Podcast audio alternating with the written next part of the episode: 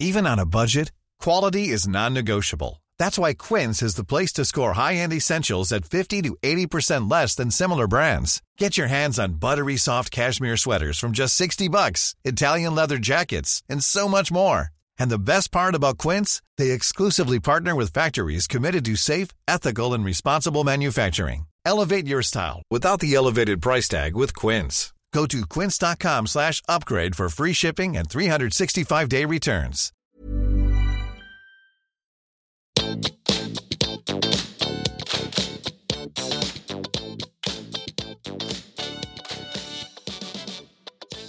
Hei alle sammen, og velkommen tilbake til podkasten Karriereveiledning med Elaine.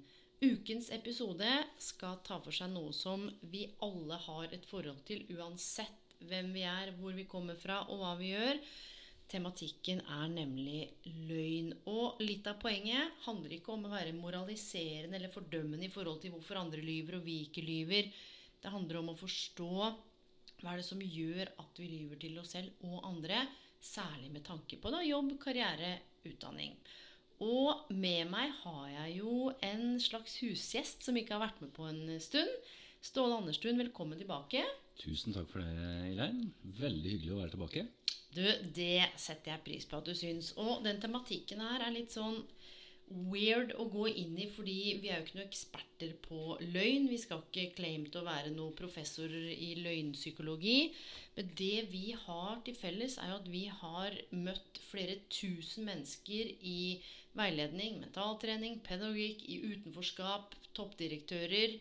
You name it. Og du har jo både studert og sett på myter og, og eh, riter og Det er et veldig stort tema, men vi skal snevre det inn. Og vi skal også bjuda litt på, fordi vi begge to har jo løyet. ja, som de fleste mennesker, vil jeg tro. Ja. Da har vi jo det. Vi skal rett og slett stå i det at eh, du, jeg har løyet eh, på jobb og sagt at jeg har det bra når jeg ikke har det. Jeg har løyet til meg selv. Og jeg tror det jeg ønsker at vi skal liksom sånn decipher i dag, det er følgende, og dette er litt sånn til deg som lytter nå, før vi liksom går i gang. Det er ikke sånn at når vi oppdager at vi lyver til oss selv For det er ikke alltid vi veit eller skjønner det. ikke sant? Vi trenger kanskje å beskytte oss sjøl. Og her er hele poenget. Du trenger ikke endre noe eller fikse noe. Så du kan bare senke skuldrene og fortsette med det du gjør. Men det her handler om å bli bevisst. Det handler også om å reflektere over em, det sosiale selv. ikke sant? Den du er der ute, den man kanskje tenker at andre vil at du skal være. Og den em, essensielle selv, den du er når du fullt og helt er deg. Og vi har jo snakket om det særlig i termer av autentisitet og tilhørighet, Ja. som er en annen måte å si det på. Og la oss bare dypdykke litt sånn overordna. Vi har jo jobba med masse mennesker Ja. som tilsynelatende har søkt jobber de egentlig ikke har lyst på, eller som har hatt det bra, men som egentlig ikke har hatt det bra. Og da tenker jeg sånn Noe av det jeg ønsker å få fram i denne episoden, det er Ok, hvis du har lyst til å lyve der ute We're not the moral cops, men vit at du gjør det. Sånn at eh, du kan ta eh, valget fra f.eks. Og jeg trenger å høre til her, så jeg kan ikke bare si i det møtet at jeg syns sjefen er helt gæren. Så jeg bare sitter og nikker, men jeg kjenner oh, dette er ikke riktig. Og så er det jo mange former for løgn, så jeg tenkte vi skulle dypdykke litt i det. Men før vi gjør det, så lurer jeg litt grann på um, Har du noen gang gått på jobb og gjort jobben og sagt at du har det bra eh, når det ikke er sannheten, og eventuelt why? Ja, why? Du, det har jeg. Um, det er, nå hopper vi rett i, i det dype vannet litt her. Ehm, men jeg har jo eh, gått gjennom eh, en lengre periode med, hvor jeg har stått i sorg. Ehm, jeg mista jo begge foreldrene mine i, løpet av åtte måneder. Ehm, og eh, det var jo òg en periode eh, hvor jeg samtidig jobba veldig mye. Altså før de gikk bort, fordi det var jo Ja. De gikk jo ikke brått bort, så du jobba og de var syke, eller? ja, det var sykdom på begge to. Så det var jo først så eh, døde jo faren min. Eh, og så var det en eh, åtte måneder etter det som da eh, hjalp til å, å være med og pleide moren min og passa på henne. Og før hun da også gikk bort for sykdom Eh, men jeg tror kanskje noe av poenget her er at jeg da eh, var veldig rask med å komme tilbake eh, på jobb etter at da moren min hadde gått bort. Eh, det, var vel, eh, det var vel ikke dagen etterpå, men det var dagen der igjen.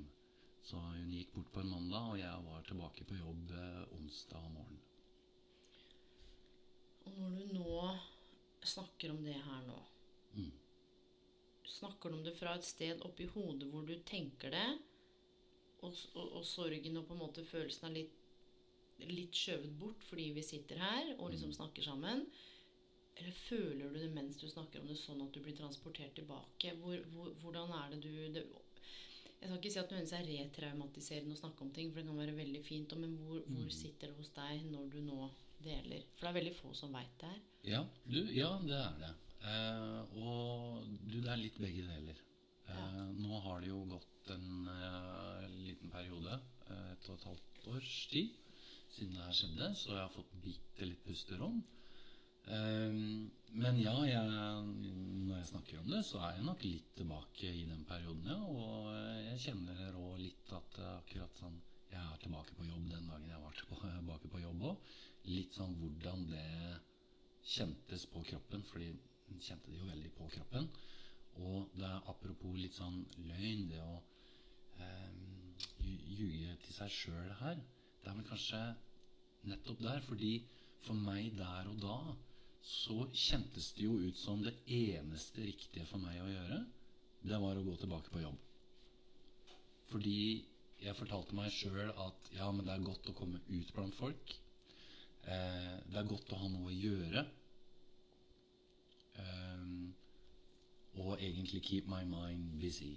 Keep it occupied. Sånn at det er noe som skjer, så slipper jeg litt å på en måte bare bli sittende um, med, med tankene og, og følelsene. da. Og det her, for å knagge noe på det vi skrev i den artikkelen ikke Arbeidspulten som alltid hvor jobben blir en flukt, eller det kan være et sted av frihet. Ja. Og jeg tror ikke sant, til de som lytter, han høres sånn hardt ut at en lyver, lyver til seg selv. Sånn, selvfølgelig kan hun gå på jobb. Eh, for du sa noe interessant. Altså, eh, ja, da, gikk jeg på jobb, for det er kanskje det som kjentes riktig. Men så er jo også spørsmålet hvem deler av deg, eller hvilke deler av deg som tok det valget? Var det frykten for å eh, ikke sant, bli fryst ut på jobben? Var det frykten for at det skjer ting på jobb du ikke blir en del av? Eh, var det liksom eh, gleden over å komme tilbake til kollegaene? Det tror jeg er et sånn sentralt poeng. Hvem, og det er ikke sikkert du har lyst til å svare på det, eller trenger å svare på det, men mer en sånn tydelig refleksjon til de som lytter òg. Det trenger jo ikke nødvendigvis være doble dødsfall, ikke sant? men det kan jo også være andre ting som er vanskelig. Og jeg tror noe av det vi har snakka om sånn utenom, er jo hvordan alt fundamentet ditt ble revet bort, og identiteten som sønn forsvant. Ja. Og vi vet jo det at det er veldig lett å blande 'jeg er, eh, jeg er det jeg gjør'. At den, Ja. sant, den blander hvem en er som menneske, og verdien, og det å leve livet med eh, det å gå på jobb og prestere, levere og være en del. Og så kan det også være bra, men poenget med denne episoden her, og det er jo den bevisstheten om Ok, så der og da så løy du ikke til deg selv. Eller gjorde du? Du, det er nettopp det der som er litt interessant. Fordi altså, hva var det jeg var bevisst, og altså, hva var jeg klar over, og hva var jeg ikke klar over? Det var jo selvfølgelig noe i meg som egentlig bare hadde lyst til å ikke være aleine. Ja. Jobben var fantastisk sted sånn sett. Å bare være eh, Møte folk, snakke med de, komme tilbake Ja, ja. I, i en gange. Ja. Men samtidig, jeg kjente jo jeg var ikke helt til stede da jeg var på jobb. Og der og da så var det ikke det nødvendigvis noe som jeg tenkte på som en sånn veldig eh, At øh, oh, jeg, liksom løgn Altså løgn blir veldig sånn hardt ord Ja, her å snakke om. Ja. Men det er òg noe riktig i det når jeg ser det på avstand. Og da Yes. For jeg fortalte meg den historien at ja, men det er det jeg trenger. Men hva skjedde med meg? Jeg ble veldig sliten av det. Jeg tror egentlig jeg hadde trengt noe annet. Og som du spurte om, hva var det som gjorde at jeg valgte å gå tilbake på jobb? I retrospekt nå så kan jeg si at det handla ikke bare om det. Det handla ikke bare om at jeg kjente sånn dypt inni meg sjøl at ja, det var en sannhet i det. Ja, jeg har lyst til å være blant folk. Men eh, du kjenner litt sånn ubevisst. Eh, Og det her har ikke noe med arbeidsgiver å gjøre, eller noe sånt noe, men du kjenner på eh, et press. Jeg var ganske ny i en ny jobb. Eh, så jeg kjente jo på litt det å skulle prestere der. Komme meg ut og gjøre en god jobb. Fordi jeg er jo opptatt av det, og veldig mange der ute er jo så opptatt av det å gjøre en god jobb og være til stede på jobben. Så Det som er fascinerende oppi det her òg, er når en går på jobb. Eh, så kan en være blant folk, men fortsatt føle seg aleine. ja. For det å stå i doble dødsfall og miste foreldrene sine er jo ikke noe som veldig mange rekker opp hånda rundt og sier sånn Ja, jeg òg! Stemmer det? Ikke sant? Det er mer sånn kanskje kjærlighetssorg eller tap av husdyr eller et samlivsbrudd eller savna av barn eller Ja. eh, Men det er veldig få eh, Vi har jo snakka litt om det. Det er, det er jo en ganske spesiell opplevelse. Det er ikke noe dagligdags. ikke sant? Så når en da ser på? Hele poenget med denne episoden her er jo nettopp den historien din og altså de driverne. fordi hvor lett er det å bevare integriteten? Mm, ikke sant? Og virkelig ta vare på seg sjøl. Vi har jo snakket om ikke sant? Eh, sykenærvær da, med nærværspress. Hvorfor går vi på jobb? Vi har jo en artikkel ute nå på kvinnehelse på nett, frida.no. Så hvorfor går du på jobb når du veit at ikke du burde? Mm, Og det er det jo fordi du er redd for å få straff eller bli utelatt av viktige beslutninger. At liksom du sluntrer unna, eller du er ikke syk nok. Eller liksom åh, jobben trenger meg. mm, ja. Og her tenker jeg, og nå snakker jeg ikke om nødvendigvis arbeidsplassene du var på, for det var jo flere arbeidsplasser. ja. Um, mm, det var det jo. mm. Mm. Men i hvilken grad tenker du at organisasjonen har et ansvar da, for å fasilitere eller legge til rette her? Og det er et litt sånn direkte spørsmål. Mm. Vi har jobba med lederskap begge to i mange år. Eh, Ja. I ulike arenaer. Du i Nav og jeg litt mm. Mm. Um, Hva skulle du ønske var annerledes? Det jeg skulle ønske var annerledes ehm, Jeg tror vel det å altså, for, for det første så er det jo eh, Jeg har jo også vært på andre sida her. Sant? I andre situasjoner hvor folk har gått gjennom tap og sånn. Så jeg har jo også kjent på det at det, det er ikke så nødvendigvis så lett å nærme seg noen andre som er i en vanskelig livssituasjon. Kanskje ikke som kollega eller leder. Nettopp. Fordi det er en sånn grense sånn Vi er ikke venner egentlig, men vi jobber Yes. sammen. Men vi er venner, men vi er jobber sammen. Så Er du lei deg? Skal jeg klemme deg? Ja. Og så er det den greia på, på jobb så er man profesjonell. Og så blir det veldig privat plutselig. Hvis, er, hvis du har gått gjennom et samlivsbrudd, eller du har mista noen, eller en eller annen grunn så har du det vanskelig i livet, så blir det fort litt sånn Føles veldig privat. Ikke bare for deg sjøl, men òg for kollegaene dine. Eller for lederen.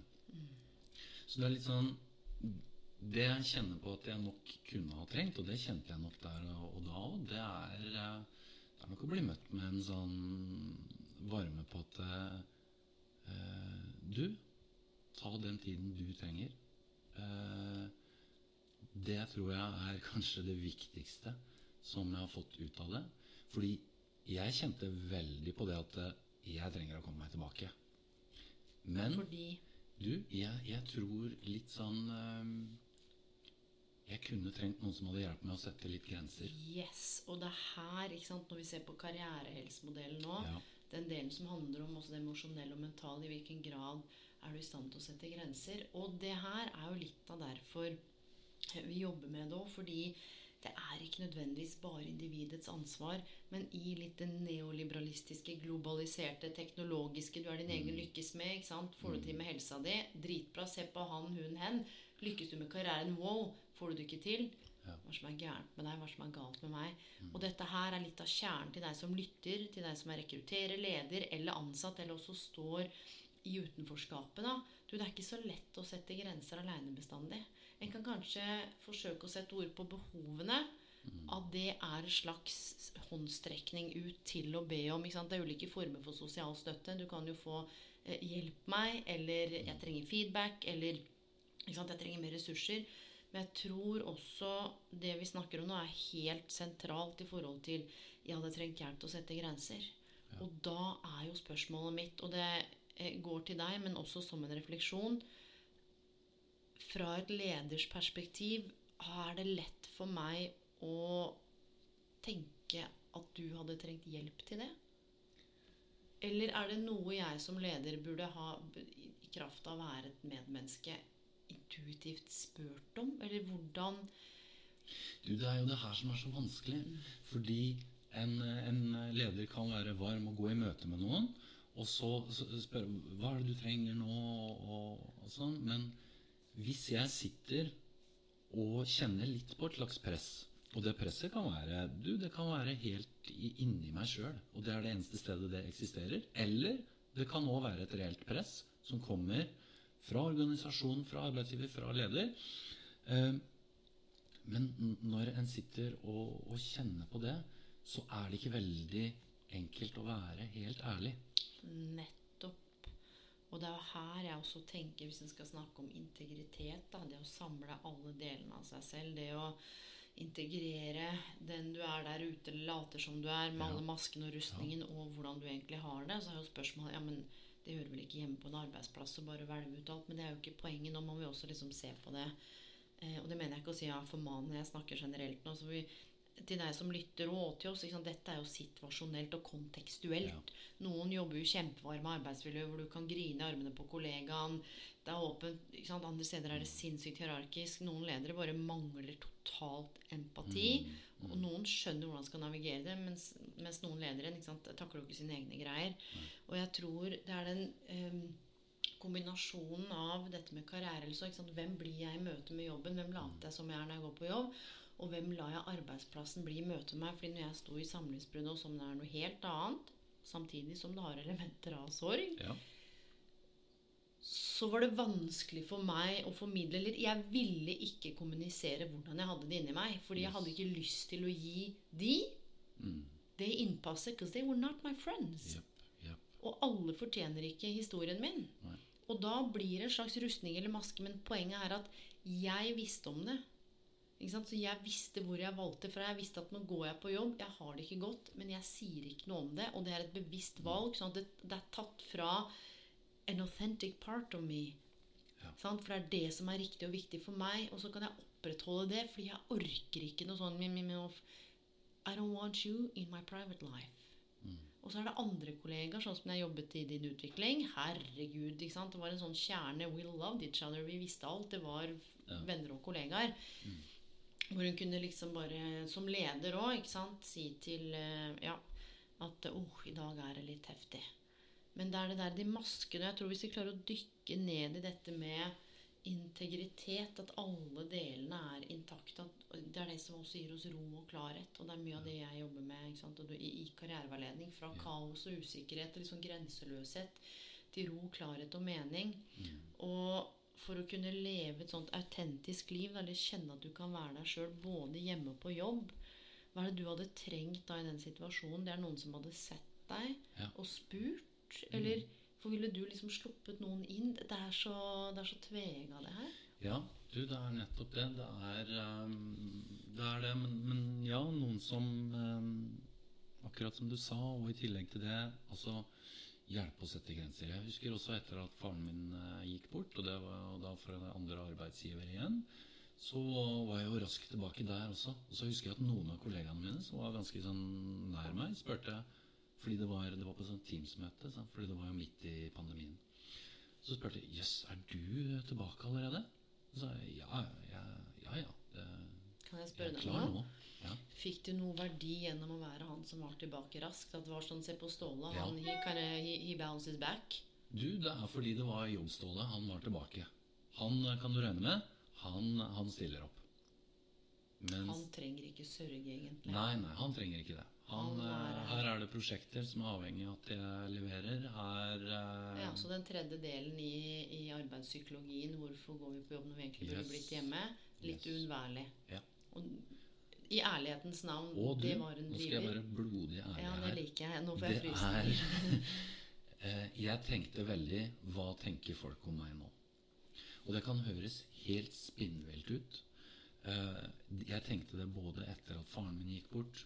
Så tenkte jeg nei, nå må jeg tilbake. Hva folk Hva, eller, hva tenker kollegaene mine om meg? Hva tenker sjefen min om meg hvis jeg er borte lenger enn nå? Det tenkte jeg og det samme da moren min gikk bort. Jeg tenkte jeg, jeg er helt eh, ny i den jobben her. Jeg er nødt til å komme tilbake på jobb. Jeg kan ikke være borte fra en jobb jeg nettopp har starta i.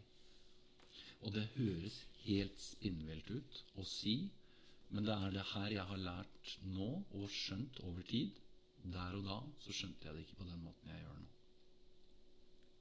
Og det tror jeg er noe av det med å være midt oppi noe som er en vanskelig situasjon å gjennomgå eh, for enhver person, som om det er et samlivsbrudd eller eh, hva det måtte være. Så Ja, for det er noe her i forhold til altså løgn, og det er liksom litt de løgnene vi forteller andre. Eller Ja. la oss kanskje ikke kalle det løgn, men den fasaden, da, Ja, eller den når ja. jobb står tilbake. Litt sånn de åpenbare løgnene som vi bruker for å eh, beskytte oss sjøl. ja. Litt sånn Nei, men nå, nå er jeg tilbake. Ehm, og så tenker jeg så er det de løgnene vi forteller oss sjøl for å unngå ubehagelige sannheter, sånn at vi også kan opprettholde en sånn slags falsk selvforståelse. Ja, men jeg er jobbstål, altså. Se på meg, jeg tar på meg rustning, jeg går på jobb.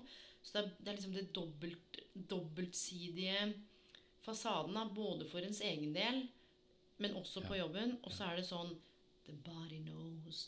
Det er forska Ja. på når vi lyver. The body contracts. Ja. Det skjer noe med kroppen. Og så er det den tredje, som handler om litt av de løgnene eller de narrativene vi blir fortalt av samfunnet. Og det er jo der, ikke sant, nature versus culture. Eh, andre communities, eller tilbake i tiden, noen gikk bort. Hva gjorde man da? Man satt sammen og sørga, man gråt, man Ja. holdt hverandre i hendene. Noen var kanskje ute og jakta etter mat.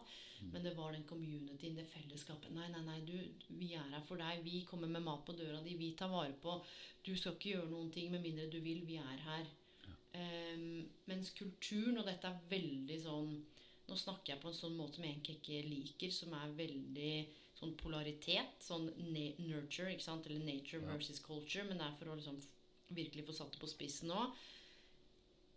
I det samfunnet slik jeg opplever det, så er det liksom bigger, stronger, faster, harder. Hvis ikke det funker, gjør det mer.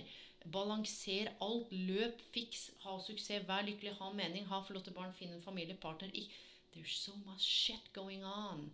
Sånn at mange av de programmene vi kjører da, når jeg er ute og holder foredrag, òg liksom, er det ny eller gammel software? Hvor kommer de forestillingene fra om at når begge foreldrene dine har dødd, at du skal være tilbake på jobb én og to dager etterpå as nothing's happened. Og livet bare går videre mens de er borte. Og livet til alle andre det bare fortsetter med de petty problems på jobben hvor kopimaskinen ikke funker. Og det som slår meg, det må bare være så jævla meningsløst noen ganger. Og det er sånn Ja, så var det den quizen i lunsjen nå, Hun fikk sju av ti poeng. Who cares? Du, og hvordan er det da når en kanskje sitter i lunsjen da, og både lyver til seg selv, lyver til andre, og samfunnet sier at her skal vi være lykkelige på jobben og ha det bra. Vi må ikke på en måte vise svakhet, for da er du ute. Hvordan finne da eh, holdepunkter som gir mening? Mm. Eh, og nå spør jeg, fordi jeg har jo ikke opplevd det du har opplevd. Og det verste jeg hører, hvis noen sånn som Når du sier Det er sånn ja, skjønner åssen du har det. Når jeg mista? Jeg kan ikke engang Begge foreldrene mine lever, de. De bor to minutter unna. Jeg var hos faren min i går. Jeg, jeg, jeg kan forsøke å gå inn i en sånn slags Men jeg har ikke peiling. Når teppet blir revet og, og jeg vil ikke engang late som jeg kan forstå, men jeg tror det vi kan gjøre, er å åpne et slags rom Ja. hvor folk kan gå inn i sammen med oss. Og det rommet vi åpner med den samtalen her, akkurat som en jæsla god artikkel, gir flere entry points. Ja. Du kan entre inn i den samtalen som lytter gjennom sorg, gjennom lederskap, gjennom å være ansatt, gjennom å bry deg om en kollega, gjennom å ha kjent på utenforskap, gjennom å jobbe i Nav, gjennom ikke vite opp ned på hvordan du skal validere noen når de har det vanskelig, og si du, det at du har mista noen, det, det høres bare helt katastrofalt ut. Eh, det er klart det er jo helt kan virke? Det å tørre å gå inn i det. Mm. Ja. Så det jeg tror det rommet her Fordi jeg kan, kjenner deg jo. Du er jo ikke en eh, fyr som bare slenger om deg med your stories. Du er veldig privat. Ja. ja, det er jeg. Ja. Og da blir jeg nysgjerrig på, når vi snakker om dette med å opprettholde den fasaden der ute Det å på en måte forsøke å holde hjulene i gang for seg sjøl, men også liksom de samfunnsnarrativene. Hvilken av de three narratives got you? Var det den at ja, med jobbstålet han er på ballen fordi du får verdi? er det litt som det derre 'keeping up an appearance'? Nei, men jeg, jeg er good to go, guys. Dere kan stole på meg. Eller er det Hvor er det det kommer fra? Er det samfunnet, eller selvfølgelig alle tre, men hva vil du si er the match? Firestarter. Ja. Et, et, det er ett ord som slår meg når du stilte meg det spørsmålet nå, så I'll go with that one. Uh, svakhet. I den forbindelse at Altså, løgn handler jo i de aller fleste tilfeller om å skjule noe. Skråstrek beskytte. Yes. Så uh, for meg så tror jeg bare de assosiasjonene jeg får her nå, det er en sånn dyp sannhet i det, er at jeg ville nok Altså jeg Noe i meg så nok på det som en form for svakhet. Eh, igjen, det høres helt vilt ut. Men det å skulle mm, eh, Ikke skulle komme tilbake på jobb. Eh, sånn at eh, Da var det litt sånn at jobbstålet tok over. Gikk på jobb. Eh, og der blir det heller kanskje ikke da så lett å møte meg heller i sorgen. Eh, nødvendigvis. Fordi hva, hva, hva hvis jobbstålet skjuler eh, Sorgståle. sorgstålet? Og dette er, nå er vi inne på dette med primær- og sekundærfølelser, hvor vi Ja. ofte er i møte med hverandres sekundærfølelser. Den er i møte med sorgen Ja. eh, sjøl. Mens for å legge En vil jo ikke at andre skal se det. Apropos svakhet, hvis vi bruker det, så legger en jo et lokk oppå som er sekundærfølelsen, som kan være f.eks. at du er veldig blid, eller eh, kald, eller vanskelig å komme inn på. Kan virke litt sånn kort og reservert. Fordi eh, det er jo lettere å vise andre det. Ja. Og jeg tror det er kanskje det du sier nå. Eh, at det var eh, sekundærfølelsene som gikk på jobben, og ikke liksom primærfølelsene. Ja. At jobbstålet, det var han som eh, hadde Ja. en sånn slags fasade. For du, ikke for å lyve deliberately, men for å beskytte Nei, deg yes, sjøl. ja. Og da også veit en jo ikke, fordi ofte det som jeg har sett i karriereveiledning, er når folk står i sorg og skal tilbake på jobb. Mm. Så går hun og bekymrer seg for hvordan hun skal trøste andre som møter henne i sorgen. Fordi herregud, det er kleint for andre å liksom passe på å klemme og kose, så kjenner man sånn Det går bra med meg. Ja. Så, så det, det er så mange perspektiver her, da. Ja, ja, det er det. Um, ja. Du, det er og, og jeg tror grunnen jeg kan snakke om det på den måten jeg snakker om nå, er fordi eh, det var sånn Hvis du ser for deg at det er en sånn eh, et lite sånn eh, En dump i veien, holdt jeg på å si dump i veien, det er et krater hvor du har falt oppi, så er jeg på en måte Jeg har klatra ut av det og står litt på andre sida og kan se på hva var det som faktisk skjedde med meg. Hva var det det her gjorde med meg? Hvem ble jeg i møte med jobb, karriere, når jeg sto overfor eh, en så stor endring i livet mitt? Og mange står jo overfor endringer, liksom planlagte og uplanlagte. Men dette her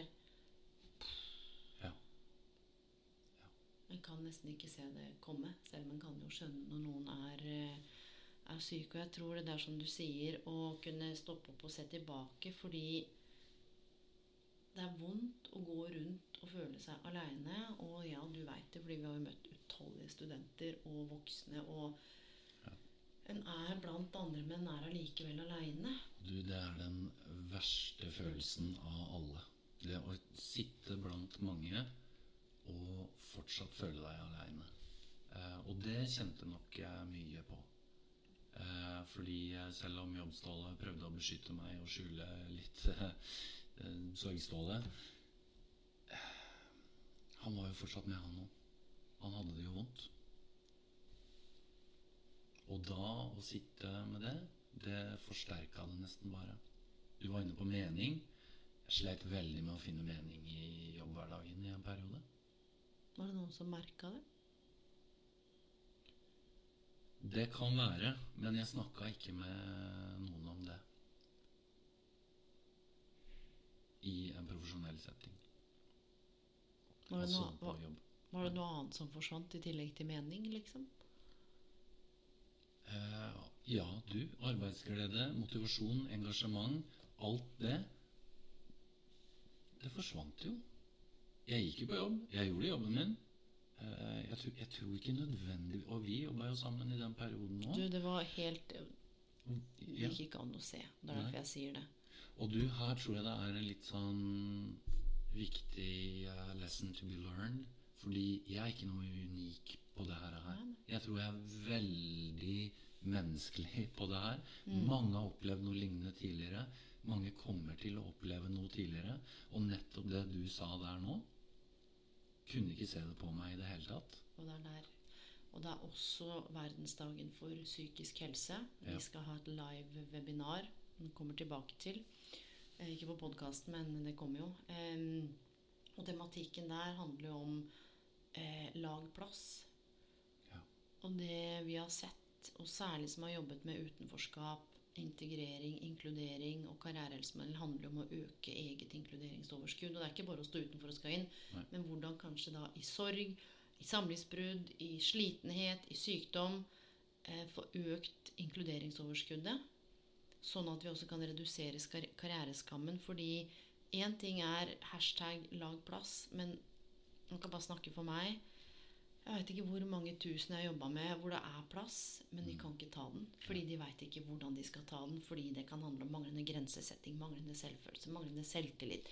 Manglende opplevelse av mening, usikkerheter rundt verdier, den sosiale bærekraften. Så når vi snakker om karrierehelse som er med på å skape at vi sammen skaper morgendagens arbeidsliv, så er det ikke nok. Og nå er ikke dette noe ikke sant? Så, så må vi, i tillegg til å lage plass, så må vi støtte oss i å ta den plassen. Fordi det var plass til deg på jobb. Definitivt.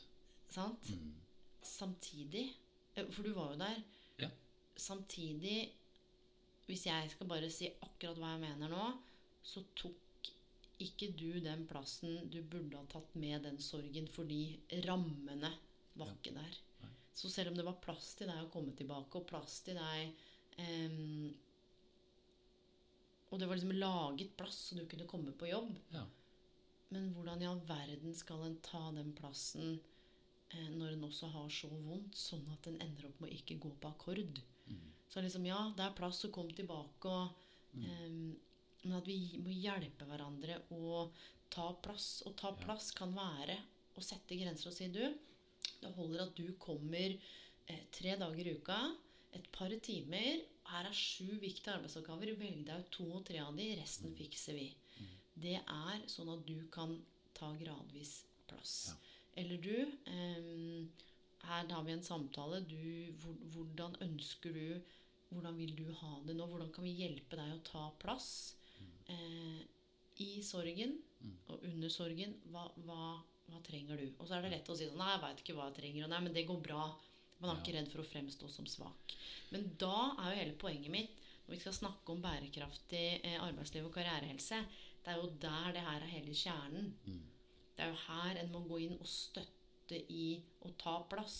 Ja. Å ta plass, det trenger ikke være åtte timer, og alle skal rope høyest. Og det er at du kan få lov til å komme og være den du er, med det du bærer på. Det trenger ikke hvelves ut. Alle trenger ikke vite om det, men du veit. Og den du har gjort avtalen med, eller de rundt, hvis det er viktig, de veit. Og det er det. Vi kan lage plasser, vi kan lage rom, vi kan lage arenaer. Men allikevel så kan vi ikke ta det fordi mask on, fasade Yep. på. Jepp. Det er nettopp det. Og du, la meg bare snu på det sånn før vi eh, avslutter. Hvis du visste at jeg hadde opplevd doble dødsfall på åtte måneder med hva som var fundamentet mitt, da, foreldrene mine, de som ga meg liv, og så hadde jeg vært på jobb en eller to dager etterpå, og du tenkte at jeg var svak Nei, på ingen måte. Det er jo selvfølgelig et ledende og et lukka spørsmål. Ja, ja, hadde du tenkt sånn Fy fader. Er hun Elaine Bloom, ja. Hun kommer ikke på jobb, nei. Fy fader. Ikke sant? Og det er et viktig perspektiv. Hva ville du sagt til bestevennen din? Hva ville du sagt til en god kollega? Hva ville du sagt til noen du deg om? Hva hadde du tenkt om de? Du, deg nettopp det, og det er det kanskje er sånn ekstra utfordrende f.eks. hvis du er leder og skulle møte noen i det. Fordi det er nettopp den masken du kan møte på eh, hos den ansatte. Sånn som jeg hadde. Nei, det går fint med meg. Ja, jeg kan være her, ja. Ja, ja, jeg gjør det, og jeg gjør det. Ikke noe problem. Mandag til fredag. Men inni meg kjente jeg jo at Det var jo noe inni meg som kjente at det ikke var riktig. Men da er det det som har hjulpet meg nå, som ville satt meg i stand til å gjøre noe annerledes, er at jeg vet hvorfor. Jeg vet mer om hva, hvilke deler av meg var det som ønska at jeg skulle gå tilbake på jobb. Og det er det jeg håper også litt med denne episoden her, at det kan eh, skape litt mer sånn bevissthet om. Rundt de ulike delene der. Hva er det som gjør? Jo, det er det presset. Og det, og det er som du sier, og det presset trenger ikke være uttalt. Så nå kommer du tilbake. Det er litt sånn det. ligger i mellom linjene. Det kan ligge litt i deg òg, for kanskje du hadde en Du, driver på at vel- du blir viktig gjennom å jobbe. Nettopp. Ja, men Yes. det er også Skal snakke om organisasjonskulturen, så er det også litt sånn Nå kan man ikke kjenne 100 ansatte, eh, hvis det er det, men, men det er også noe med liksom Hva er kulturen, da? Ja, Og det ja. må vi tørre å snakke om. Man er Det redd for å å henge ut kultur. Drit i alt det. det- That's besides the point. Og du har jobba flere steder, så det er Du, det her ligger i oss eh, som individer. Det ligger i organisasjoner, i, på arbeidsplassene. Det, det ligger i samfunnet som et sånn overliggende narrativ òg. Og tenk deg du, Hvis vi f.eks. hadde kommet til deg med karrierehelsemodellen, da, så hadde vi sett på det fysiske aspektet. Hvordan er det du hviler? Ikke sant? Hvordan er det du spiser? Um, hvor, hvor, hvor er det du får energi fra?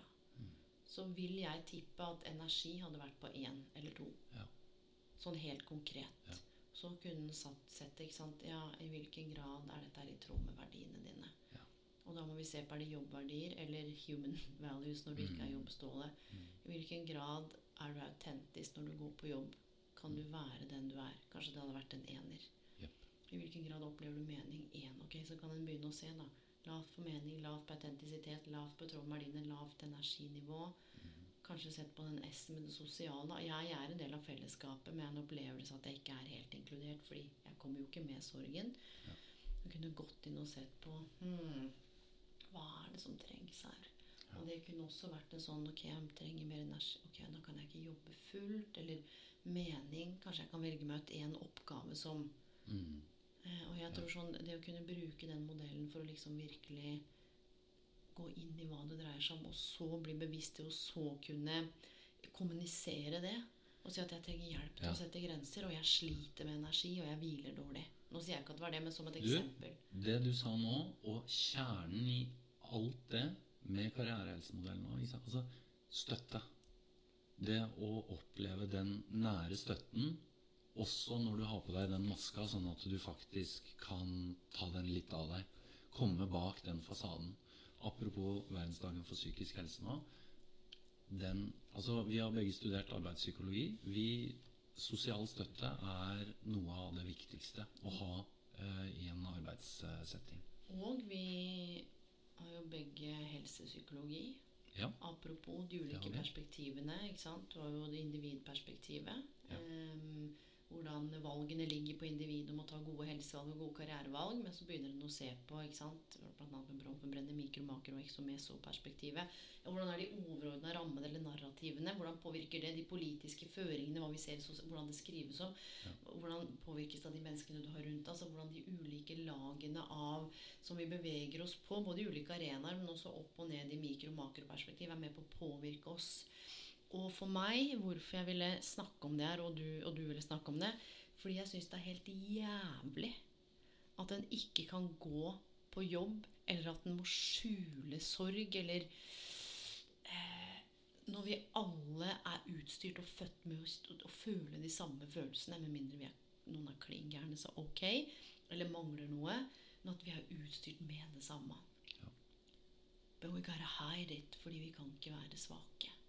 Og det er akkurat som om følelser er en sånn åh, Det er sånn svakhet, ikke sant? Øh, men hvis du er klok og rasjonell Å, se på han eller henne. Å, så smart og klok og rasjonell. Du Så du han mista det, eller så du han begynte å grine? Og begynne å grine på jobben Nei, som nei, mann. Nei, nei, nei. Wow! Det er litt sånn du nå tror han har mista det, nå griner han. Skal du til ja, ja. bedriftspsykologen? Eh, ikke sant? Så det, er, det her er både et slag for em, karrierehelse em, og individperspektivet i møte med organisasjonsperspektiv. Hvem blir vi i møte med, hvem lar vi andre bli? Men også et sånt slags slag for mankind. Ja. Og særlig alle menn har jo en karrierehelse òg. Ja. Hvorfor er dette her så himla vanskelig? Og så veit jeg at språket vi bruker, er med på å ramme inn ting, så jeg liker ikke å bruke ord. Det er har dritvanskelig å ta karrierevalg. Jeg- Du har skal få et arbeidshefte på 19 sider. Jeg har ikke lyst til å komplisere det, men du er 40 år, eller du var 39 da. Står i dobbel sorg, men kan ikke vise det. Og det, og det er jo i hvert fall ikke noe gærent med deg. Nei, nei, nei. Men er- so what's going on? Ja. Du, det er nettopp det. Det er, det er noe sånn dypt menneskelig i det vi har snakka om eh, nå i denne episoden her. Noe som de aller fleste har et forhold til, eller vil få et forhold til i løpet av livet. Og det er nettopp det du sier. Hvorfor føler vi at vi må skjule noe av det som er kanskje det mest dypt menneskelige av det menneskelige? Møte med død, møte med sorg, møte med vanskelige tider. Mista noen som er helt uerstattelige. Hvorfor er det så vanskelig å møtes i det? Hvorfor er det så vanskelig å vise hvem en er i det? Um, Mm. Og, og, og det er jo ikke som om det er noe nytt å miste noen. Det Nei, er nei. Since human birth, Ja. human has Ja. also gone, gone ja. Og det kommer away. vi til å fortsette med. Dessverre så gjør vi jo det. For det er sånn livet er. Hvorfor er død så vanskelig, da? Å møte eller å snakke om i, på jobb eller i sosiale rom? Ja, du, det Det er jo sikkert mange grunner til det. Men se, altså bare se hvordan vi, vi tenker rundt død i, i samfunnet. Altså, Vi vil jo ikke snakke om det. Prøv å snakke om det i en lunsj. Da drar du stemningen ned. Langt. Alle dager snakke om død. Hvorfor, hvorfor skal du ødelegge lunsjen vår? Og hva skjer med folk når de blir syke? Gjemmes bort. Altså En skal inn på et sykehus eller sykehjem. På en måte, Vi har ikke så veldig nært forhold til døden som vi lever livene våre. Som vi lever livene våre, så holder vi på med Vi våkner på morgenen og sitter på mobilen, og så går vi på jobb, og så snakker vi om ting der, gjør en quiz, et eller annet. Det er litt sånn, Døden har blitt litt sånn skyvd ut fra det vi holder på med i det daglige livet. Sammenligna særlig med tidligere kulturer selvfølgelig, og andre, andre kulturer rundt eh, i. Ja, og jeg tror her er vi inne på noe, fordi sorg og død er ganske sånn tett knytta sammen. Ja.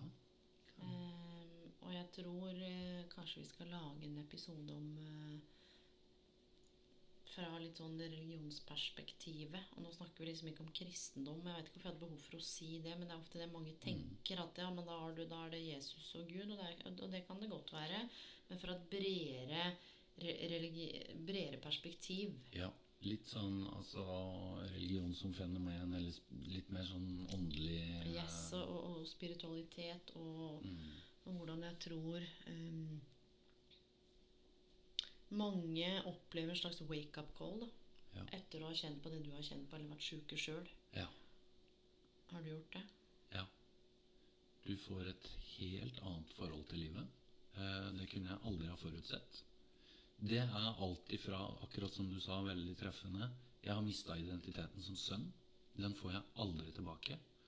Og noe i det er òg at når begge foreldrene mine er borte, så føler jeg veldig på at eh, jeg er next in line.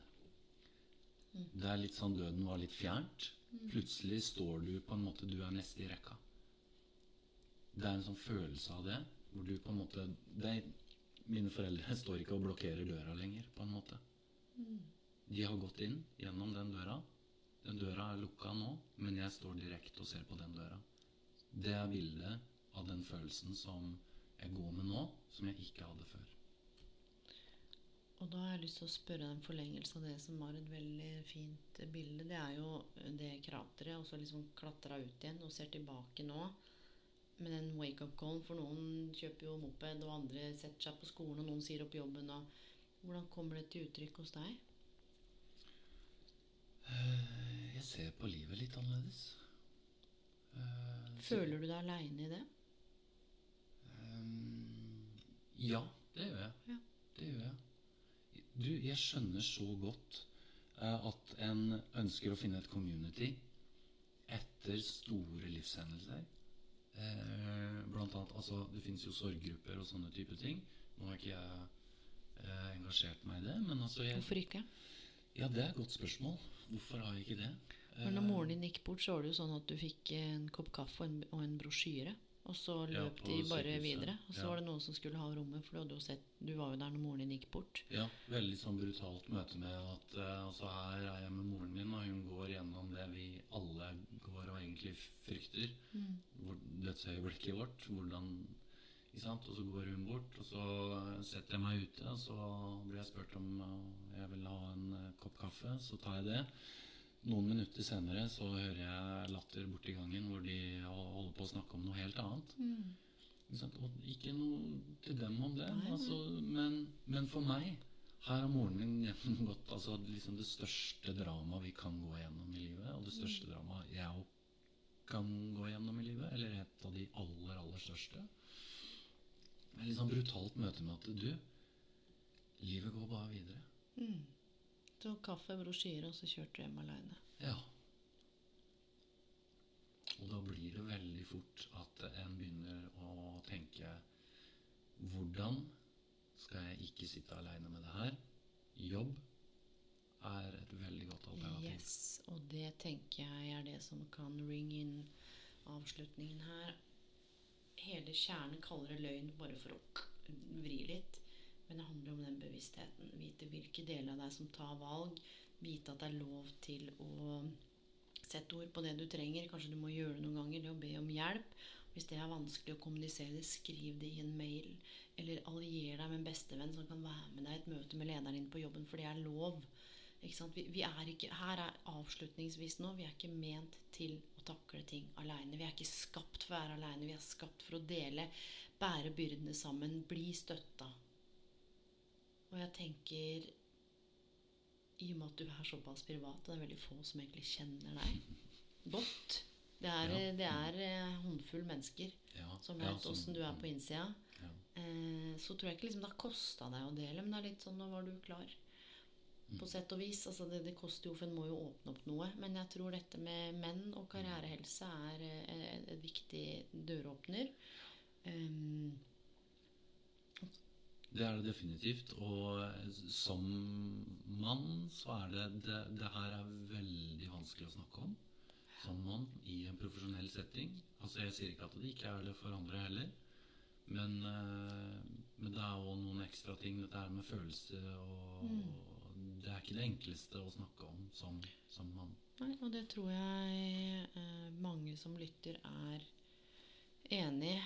Eh, takk for at du delte. Fine metaforer i forhold til både krater og dører. Og det handler ikke om noen arbeidsgivere eller noen organisasjoner. Det handler om eh, hvordan vi navigerer i det i et slags fellesskap. Og dette er noe vi må snakke mer om. Du, det er nettopp det. Det er det menneskelige i det. Og det har vært veldig fint å være med og få snakke om en tematikk som er veldig viktig og veldig nært for meg. Så det setter jeg veldig stor pris på.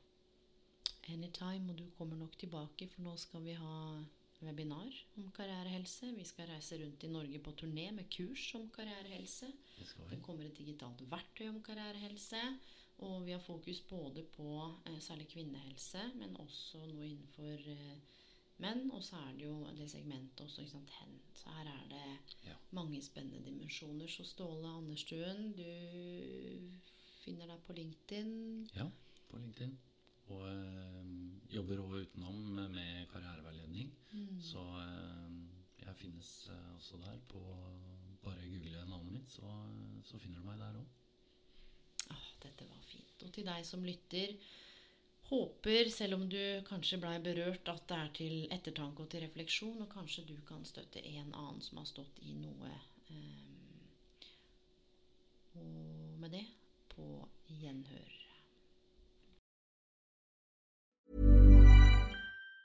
Even on a budget, quality is non-negotiable. That's why Quince is the place to score high-end essentials at 50 to 80% less than similar brands. Get your hands on buttery soft cashmere sweaters from just 60 bucks, Italian leather jackets, and so much more. And the best part about Quince, they exclusively partner with factories committed to safe, ethical, and responsible manufacturing. Elevate your style without the elevated price tag with Quince. Go to quince.com slash upgrade for free shipping and 365-day returns. Hold up. What was that? Boring. No flavor. That was as bad as those leftovers you ate all week. Kiki Palmer here, and it's time to say hello to something fresh and guilt-free. Hello Fresh. Jazz up dinner with pecan-crusted chicken or garlic butter shrimp scampi. Now that's music to my mouth. Hello Fresh. Let's get this dinner party started. Discover all the delicious possibilities at hellofresh.com.